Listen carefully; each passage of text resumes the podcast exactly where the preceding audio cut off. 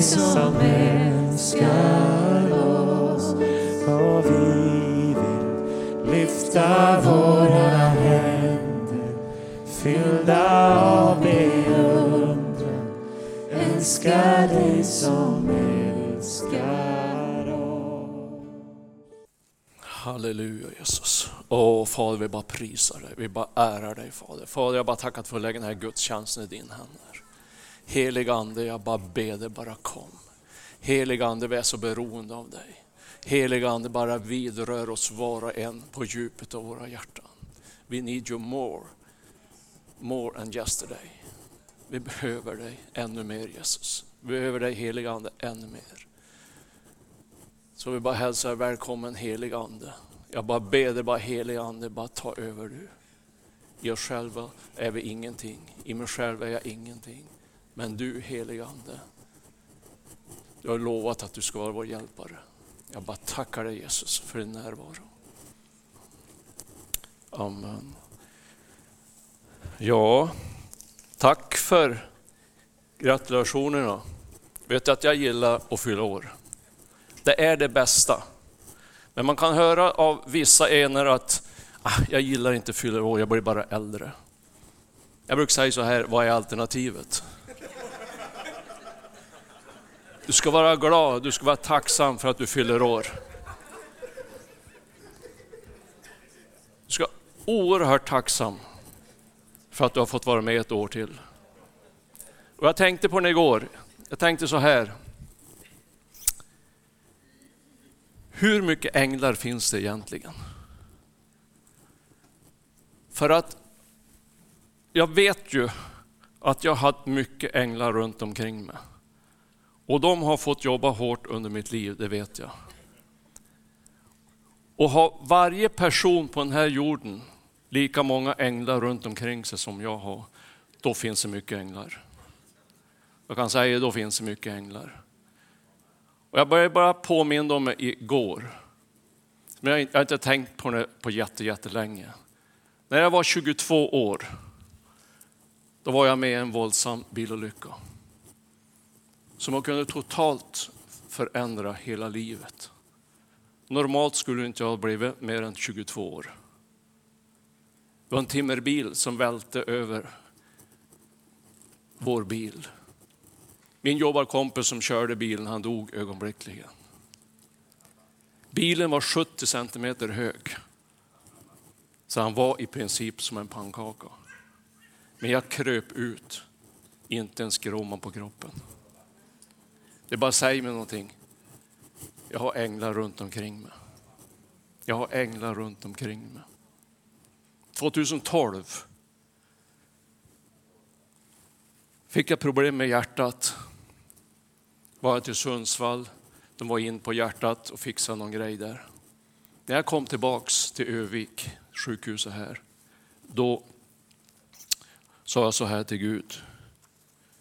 Gud, det här är inte rättvist. Jag kände mig så misslyckad på något sätt. Jag tycker det kändes så jobbigt. Satte mig på rummet, öppnade en Gideonitbibel, slog upp på ett måfå bara så här och så stod det så här. Du skall inte dö utan leva och förkunna Herrens gärningar. Psalm 118. Och jag bara ropar tack gode Gud för änglar igen. Tack gode Gud för änglar igen. Så jag vill bara uppmana dig, var glad över att du fyller år. Var tacksam att du fyller år. Idag är det ju pingstdagen, som vi vet. Och en liten rolig grej, vet du. Så klickade jag på Expressen igår och då har de en liten flik. Jag skulle kolla på nyheterna lite grann, och så på som en flik som heter Leva och bo. Och vet du vad de hade skrivit där? Det stod så här. Varför firar vi pingst? Pingsten firas för att den heliga ande gav sig till känna för Jesu lärjungar. Jesus hade lovat att sända en kraft som skulle hjälpa lärjungarna sedan han hade lämnat dem. Tio dagar efter hans himmelsfärd visade sig enligt Bibeln anden för lärjungarna. Lärjungarna kunde plötsligt tala med nya ord som anden gav dem. Det kallas tungomålstalande. Det stod på Expressen, på Leva och Bo. Och det var någon som hade satt in det för någon, eh, det var, det var skrivet för någon månad sedan. Men så varför firar vi pingst? Pingst kommer snart stod det. Jag tyckte det var, jag tyckte det var helt fantastiskt.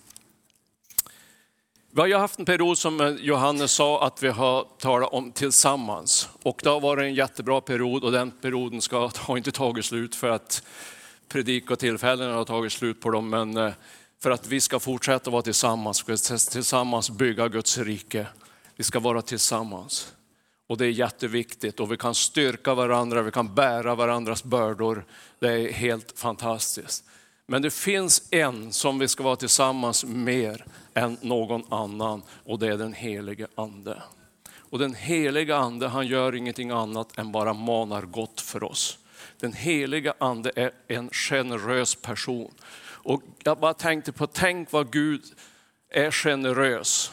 Som har delat av sin gudom till oss. Den heliga ande är en del av treenigheten. Och jag bara tänkte, det är helt fantastiskt. Det är helt fantastiskt att du kan få vara en del av gudomen. För det står så här i Romarbrevet 8.11 att samma ande som uppväckte Jesus från de döda bor i dig. Du behöver aldrig tvivla på om du har den heliga ande eller inte, om du har, om du har sagt ja till Jesus. Han bor ju på insidan av dig. Men samtidigt så kan man tänka, är det så här ibland. Hur långt borta är den helige ande egentligen? Jag känner ingenting. Jag förnimmer ingenting av den heliga ande. Det känns så dött, det känns så kallt, det känns så sterilt. Då ska du läsa Romarbrevet 8 och 11. Samma ande som uppväckte Jesus från de döda bor i dig. Så du behöver aldrig tvivla på om du har den heliga ande eller inte. Det spelar ingen roll om du känner det eller inte känner det. Guds ord är sant. Du behöver aldrig tvivla på det. För att varför du inte känner den heliga ande alla gånger, det är så mycket saker runt omkring som surrar runt omkring, som tar uppmärksamheten, som bara förstör din gemenskap med den helige ande. Men den helige ande är alltid där, det behöver du aldrig tvivla på. Står så i Jeremia 31 och 25. Ty jag ska stärka trötta själar och alla utsvultna själar ska jag mätta. Tänk vad Gud är generös. Tänk vad han är generös mot dig. Matteus 11 och 28 står det, kom till mig som arbetar och bär på tunga bördor så ska jag ge dig vila. Kom till mig. Han ställer inga krav på dig, du ska vara perfekt, du ska kunna göra si, du ska göra så. Kom till mig bara. Kom till mig. För att det finns en vila i Gud. Det finns en, en vila i Jesu famn.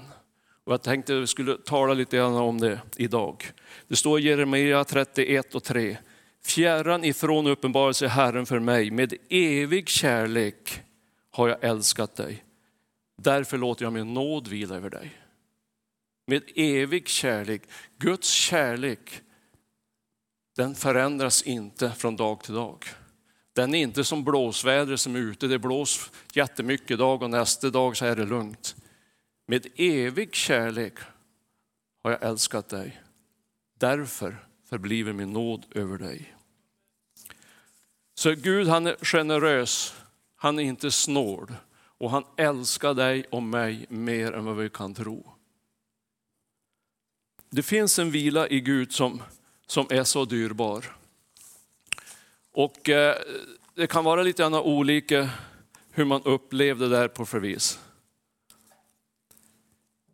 Det finns ett ställe i Bibeln, du vet om Maria och Marta. När Lazarus hade dött. Och de sände bud efter Jesus.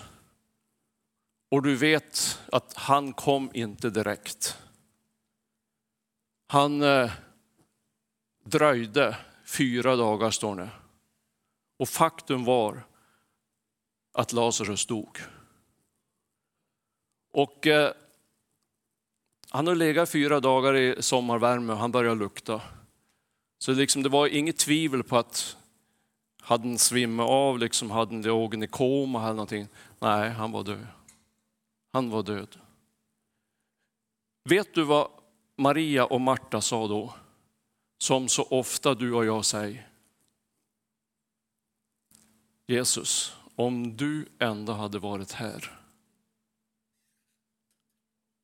så hade det inte hänt.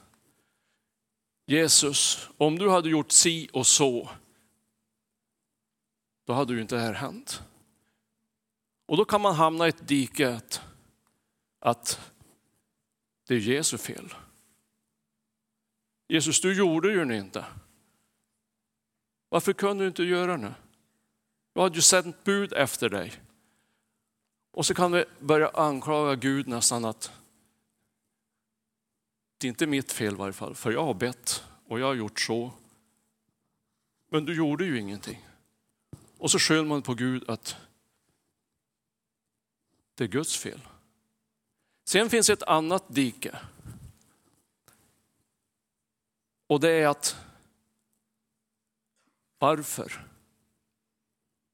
Varför? Vet du, ordet varför har jag försökt att ta död på i mitt eget liv. För vet du varför? Det tar död på relation med Gud, tar död på relation med människor. Varför? Det är inget uppbyggligt ord. För varför, det söker efter fel på olika saker och ting. Och då säger man så här, varför svarar du inte på bön Gud? Är det för att jag är si eller så? Har jag bett för lite? Har jag läst Guds ord för lite? Och så börjar man så här, varför, varför, varför? Jag har kommit fram till att det finns ingen glädje i ordet varför. Det tar död på all glädje. För att det är så här att du och jag, vi lever i den här världen och så länge vi lever i den här världen så kommer du att få se motstånd i ditt liv. För vi lever i en fallen värld och det kan inte jag göra om. Det kan inte du göra om. För det står så här i Johannes 9, 1-3. När Jesus kom gående såg han en man som hade varit blind från födseln. Hans lärjungar frågade, Rabbi, vem har syndat så att han föddes blind? Han själv eller hans föräldrar? Jesus svarade, det är varken han eller hans föräldrar som har syndat, utan det har hänt för att Guds verk skall uppenbaras på honom. Vet du, jag har försökt byta ut det där ordet varför till ordet därför. Därför att Gud vill uppenbara sin makt just genom dig. Har du tänkt på en Peter som har gått igenom en våldsam tid? Han har kunnat bara säga varför, varför och så deppa ner sig. Men han sa därför att Gud lever så lever jag. Därför att Gud har visat sin makt genom att resa upp mig. Så får du ett annat perspektiv när saker och ting går emot dig. För att vi har någonting att välja när vi kommer inför ett problem. Det är att kasta sig på Gud. Eller också kan vi säga varför och så hittar vi alla fel på olika sätt. Och jag skulle säga så här, till 90 procent så har du inget ord på svaret varför. Men ändå är det någonting vi ställer oss. Du får inget svar än om du ställer ordet varför. Men om du litar på Gud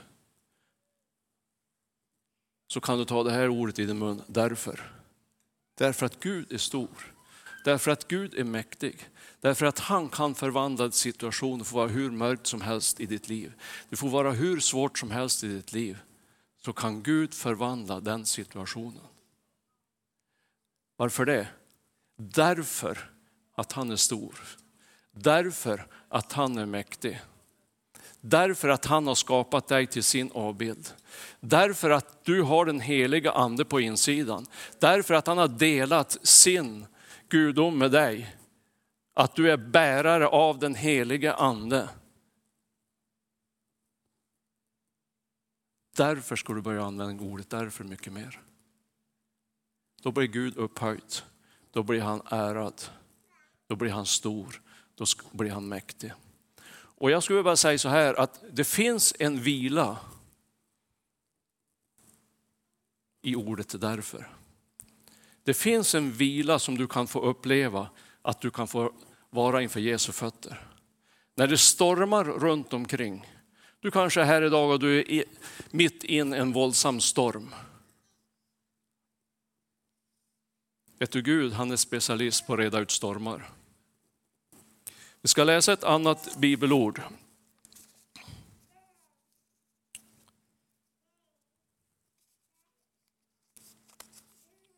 Ja, vi ska läsa Apostlagärningarna, men vi ska inte läsa det först. Jag ska säga en sak till innan. att Även om du går igenom någonting våldsamt negativt så kan Gud vända det till något positivt.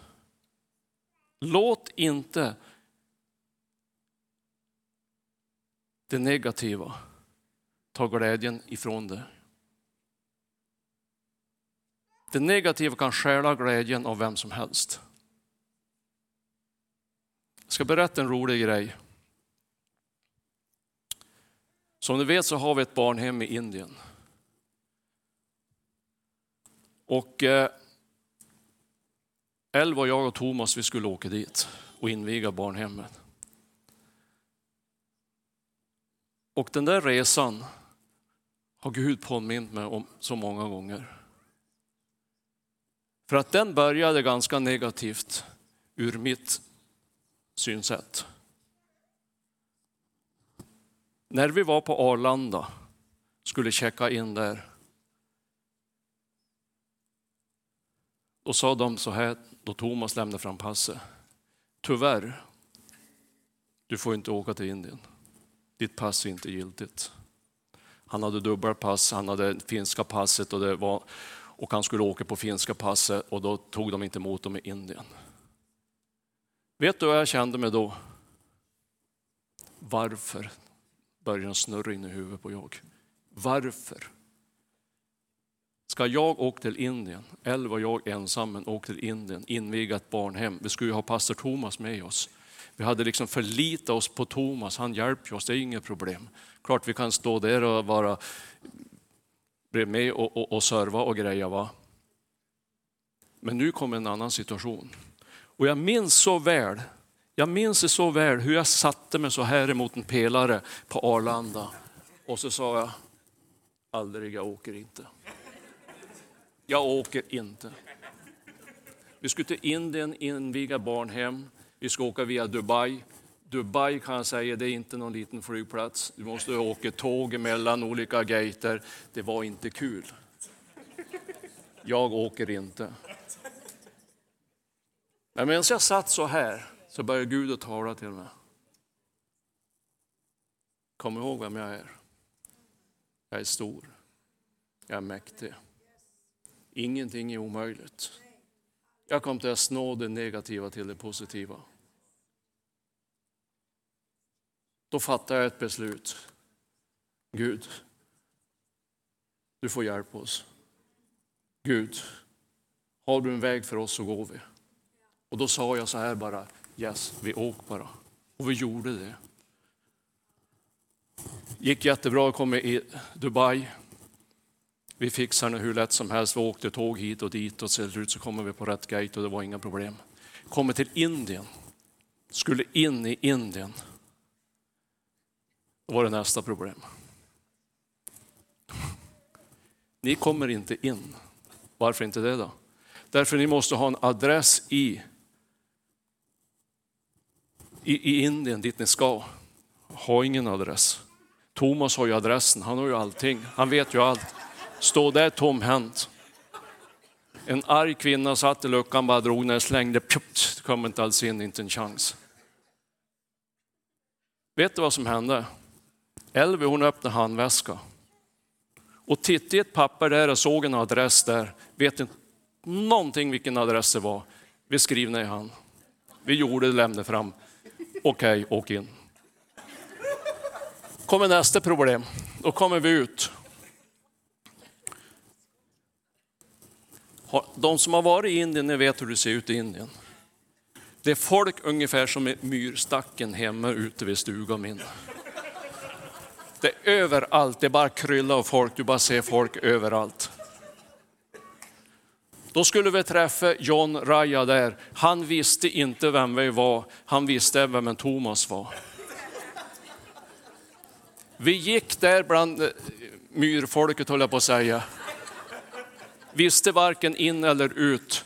Gick in på flygplatsen igen flera gånger, kom ut igen. Ingen John Raja. Jag visste hur John Raja såg ut, men han visste inte hur jag såg ut. Han visste inte vem han skulle söka. Han gick och sökte efter Thomas som hade lite mörkt skägg på sig och lite bra mycket längre än jag. Det var han han gick och sökte. Då stod vi där och så sa jag så här, gode Gud, nu måste du hjälpa oss. Och så snodde jag på huvudet så här, ungefär där den pallen stod, där stod John Raja. Jag hoppade rakt upp, jag tror inte det var sant. Du ser, Gud kan vända någonting negativt till det positivt. Ingenting är omöjligt för Gud. För att du har den heliga ande på insidan, den heliga ande som är din hjälpare. Du ska inte förringa den heliga ande. Han är mycket större, han är mycket mäktigare än vad du tror och han är med dig i vardagen, i små detaljer. Lika väl som han är med dig i stora stormar. Glöm inte det, för Gud är stor, Gud är mäktig. Vi ska läsa Apostlagärningarna 12 och 1-8. Ska vi läsa, jag tyckte det är en spännande berättelse, jag har läst den många gånger. Och eh, ska läsa från vers 1 så här. Vid den tiden lät konung Herodes gripa och misshandla några i församlingen. Han lät avrätta Jakob, Johannes bror, med svärd. När han såg att judarna gillade detta fortsatte han och grep även Petrus. Detta hände under osyrade brödets högtid. Efter gripandet satte han honom i fängelse och lät honom bevakas av fyra vaktskift med fyra man var, alltså 16 personer. När påsken var över tänkte han ställa honom inför folket. Petrus hölls då därför kvar i fängelset medan församlingen bad ihärdigt för honom. Natten innan Herodes skulle ställa honom inför rätta låg Petrus och sov mellan två soldater, bunden med två kedjor och utanför dörren stod vakter som bevakade fängelset. Plötsligt stod där en Herrens ängel och ett ljus sken lyste upp rummen. Ängeln stötte Petrus i sidan och väckte honom och sade, skynda dig upp. Då föll kedjorna från hans händer. Och ängeln sade till honom, sätt på dig bältet och sandalerna. Petrus gjorde så och ängeln sade, ta på dig manteln och följ mig. Kan du tänka dig in i den här situationen? Hur en Petrus, hur kunde karn ligga och sova? Har du tänkt på det? Jag har tänkt på det flera gånger. Hur kunde karn ligga och sova? Några dagar innan så hade en Jakob blivit halshuggen, eh, halshuggen. Och nu låg han mellan två soldater med kedja fast där. Och det var 16 soldater som vaktade. Och karn kan sova. Vet du vad det säger mig någonting? Det finns en vila i Gud som är, som är övernaturlig. Jag tror att Petrus, han hade dödat det här ordet varför.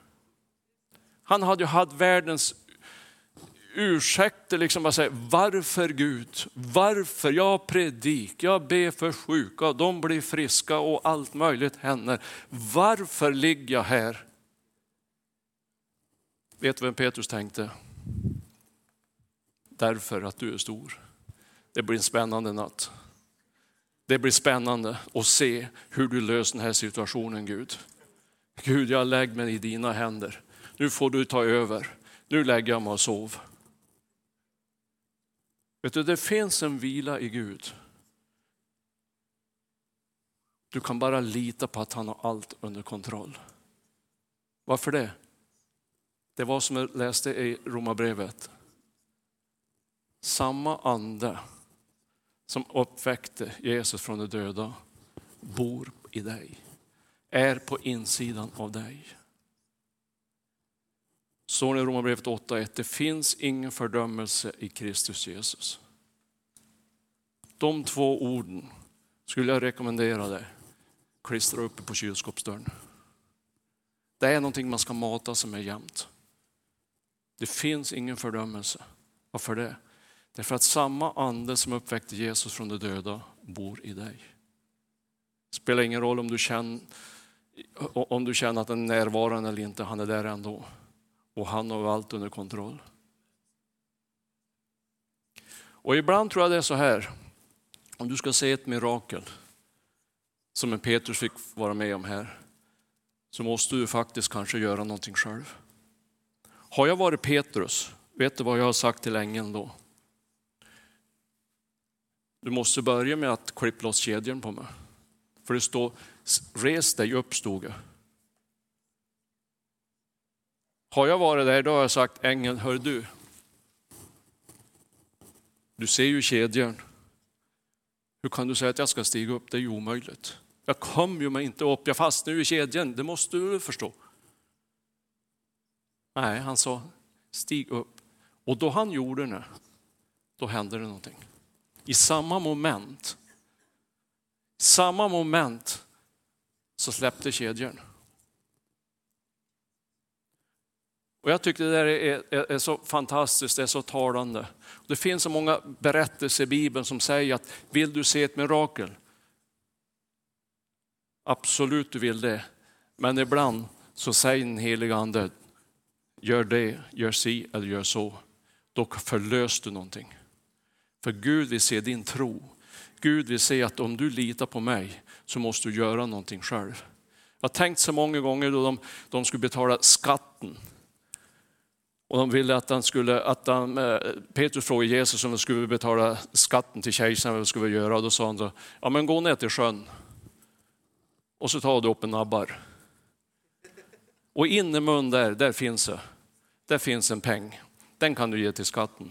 Det har ju varit mycket enklare för Jesus bara säga, så ja men jag har ju nog lite, lite, lite pengar här så du kan ju bara gå och betala. Det har ju varit jätteenkelt. Men vad fick han göra?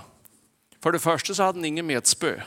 Han kunde inte fara fixa ett metspö. Han hade ingen fisklina, ingen krok. Han kunde inte fara leta masken.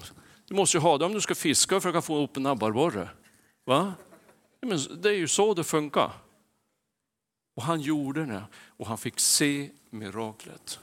Han fick se undret. Och så där är det så mycket då du går med Gud.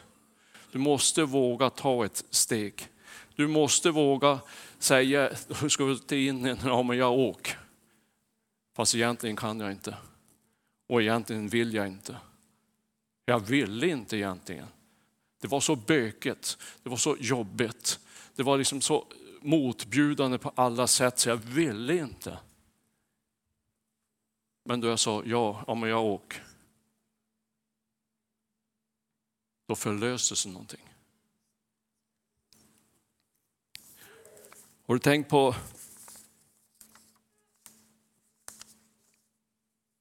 de satt i fängelse?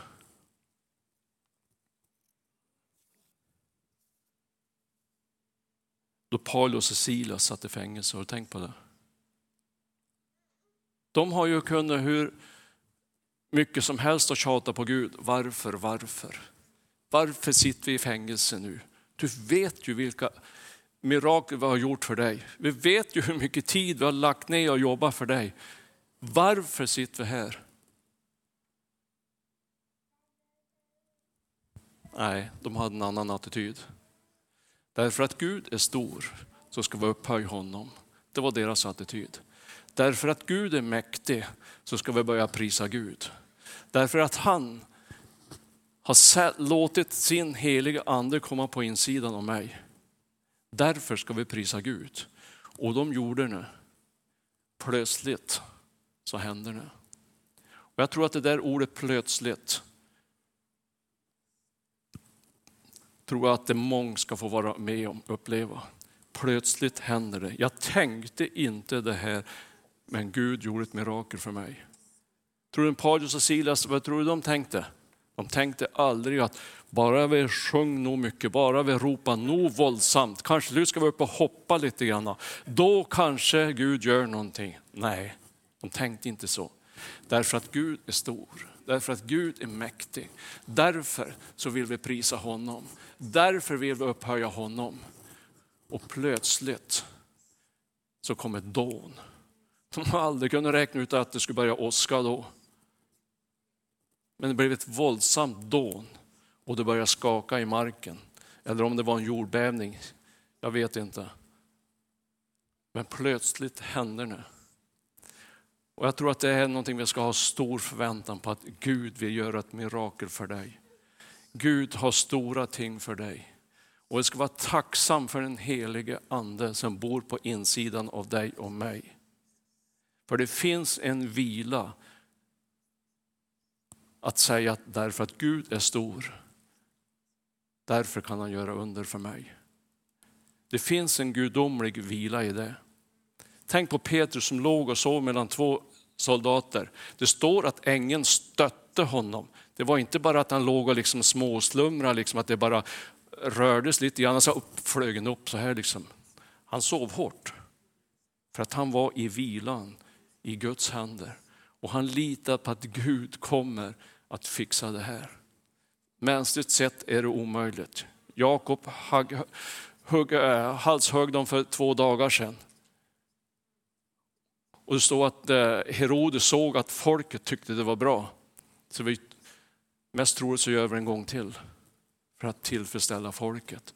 Och det var det han låg och väntade på. Men ändå kunde han sova. Ändå hade han frid med Gud. Endast litade han på att han skulle göra någonting. Är du här idag och du har ett, ett storm i ditt liv, du har någonting som är svårt, någonting som är jobbigt. Du kan lita till 100 procent att Gud kommer att hjälpa dig. För att samma ande som uppväckte Jesus från de döda bor på den insidan av dig. Gud är stor, Gud är mäktig. Ska vi lovsångarna komma upp?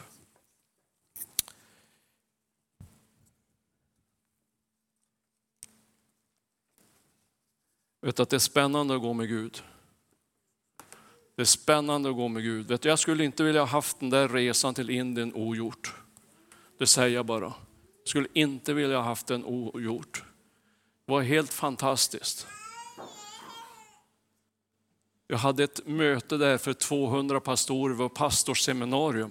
Ja, hade glömde jag säga, det var ju ändå mer som drog ner igen. Thomas skulle ju predika på ett pastorsseminarium för 200 pastorer. Och så står lilla jag uppe från Arnösjö.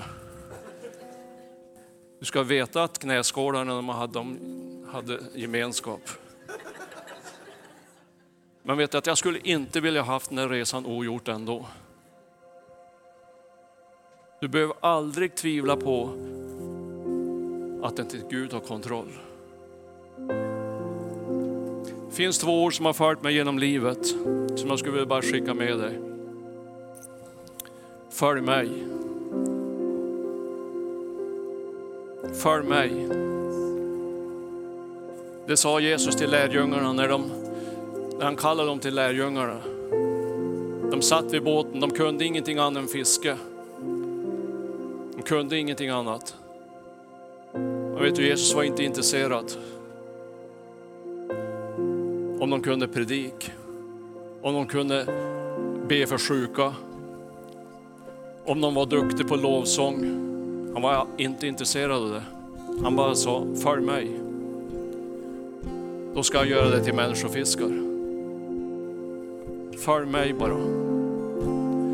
Jag tror du är här idag som behöver ta ett steg i den riktningen. Du är frälst, du har gått med Jesus, det är inte snack om det. Men du behöver ta ett nytt steg. Du ska bli människofiskare. Vi ber och vi ropar till Gud om väckelse. Och det ska vi fortsätta att göra. Men jag tror att det hänger lite på du och jag ibland också.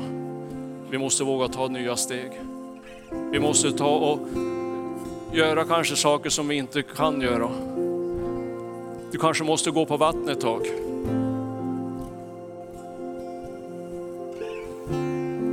Jag har gått på vattnet många gånger. Gud har varit med mig. Det är nyttigt att gå på vattnet. Det är hälsosamt. Helst om du kunde sjunka lite grann upp till knäna så är det ändå mer hälsosamt. För du blir beroende av Gud. Du måste lita på Gud. Du måste ropa till Gud. För att du vet i dig själv, du kan ingenting. Följ mig, ska jag göra dig till människofiskare.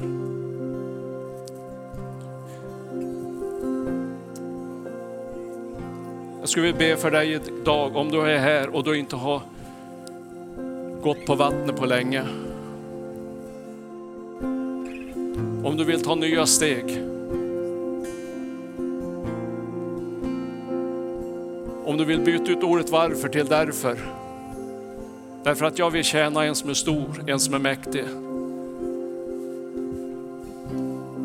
Om du vill gå nya vägar som du inte har gått förut, men du vet på insidan att Gud har nämnt det för dig, men du har tryckt det åt sidan. Så jag vill be för det. Jag tog med mig en bunt bönedukar. Jag älskar bönedukar för att jag vet att vi har bett för så mycket bönedukar och vi har haft så mycket gensvar på det. Är du här och du behöver en böneduk, eller du har ett barn, eller du har ett barnbarn, eller du har någon förälder som är sjuk eller någonting, ska vi stå tillsammans och be för en böneduk och tro Gud om ett under, om ett mirakel. Kanske du säger så här att ja, men jag har bett så många gånger och det har inte hänt någonting. Plötsligt händer det. Tänk på en och Cecilias. Plötsligt så händer det. Vi ska aldrig ge upp och be för sjuka. Vi ska aldrig ge upp och be för varandra. Vi ska aldrig ge upp och lyfta varandra. Vi ska aldrig ge upp och uppmuntra varandra. För Gud har en väg för det. Jag tror vi ska ta det nu och direkt. Om du vill ha förbön så är du välkommen fram. Var fler förbedjare här. Tro inte att det hänger på en förebedjare. Det spelar ingen roll vem som ber för det. Det är Gud som är mäktig. Det är en helig ande som kan göra ett verk. Så välkommen fram.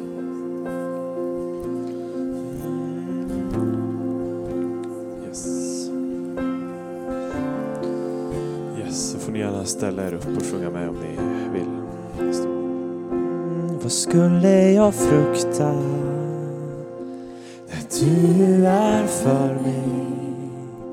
Vad skulle jag frukta när du går före mig?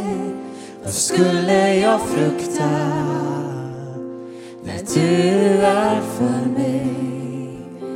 Vad skulle jag frukta när du går före mig? Vad skulle jag frukta när du är för mig? Vad skulle jag frukta när du går före mig? Vad skulle jag frukta när du är för mig? skulle jag frukta? När du går före mig, vad skulle jag frukta? När du är för mig, vad skulle jag frukta? När du går före mig, vad skulle jag frukta?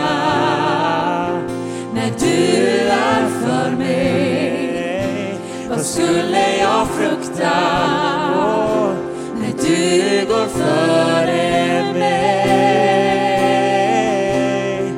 Genom allting, Genom allting är du trofast och du håller vad du sagt. Du lämnar aldrig mig. nej du lämnar aldrig mig.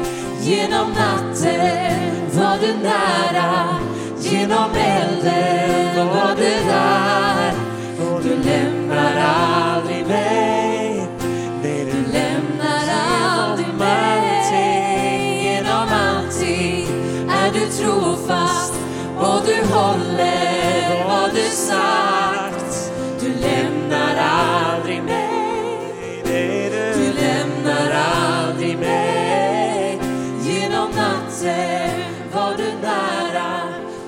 Genom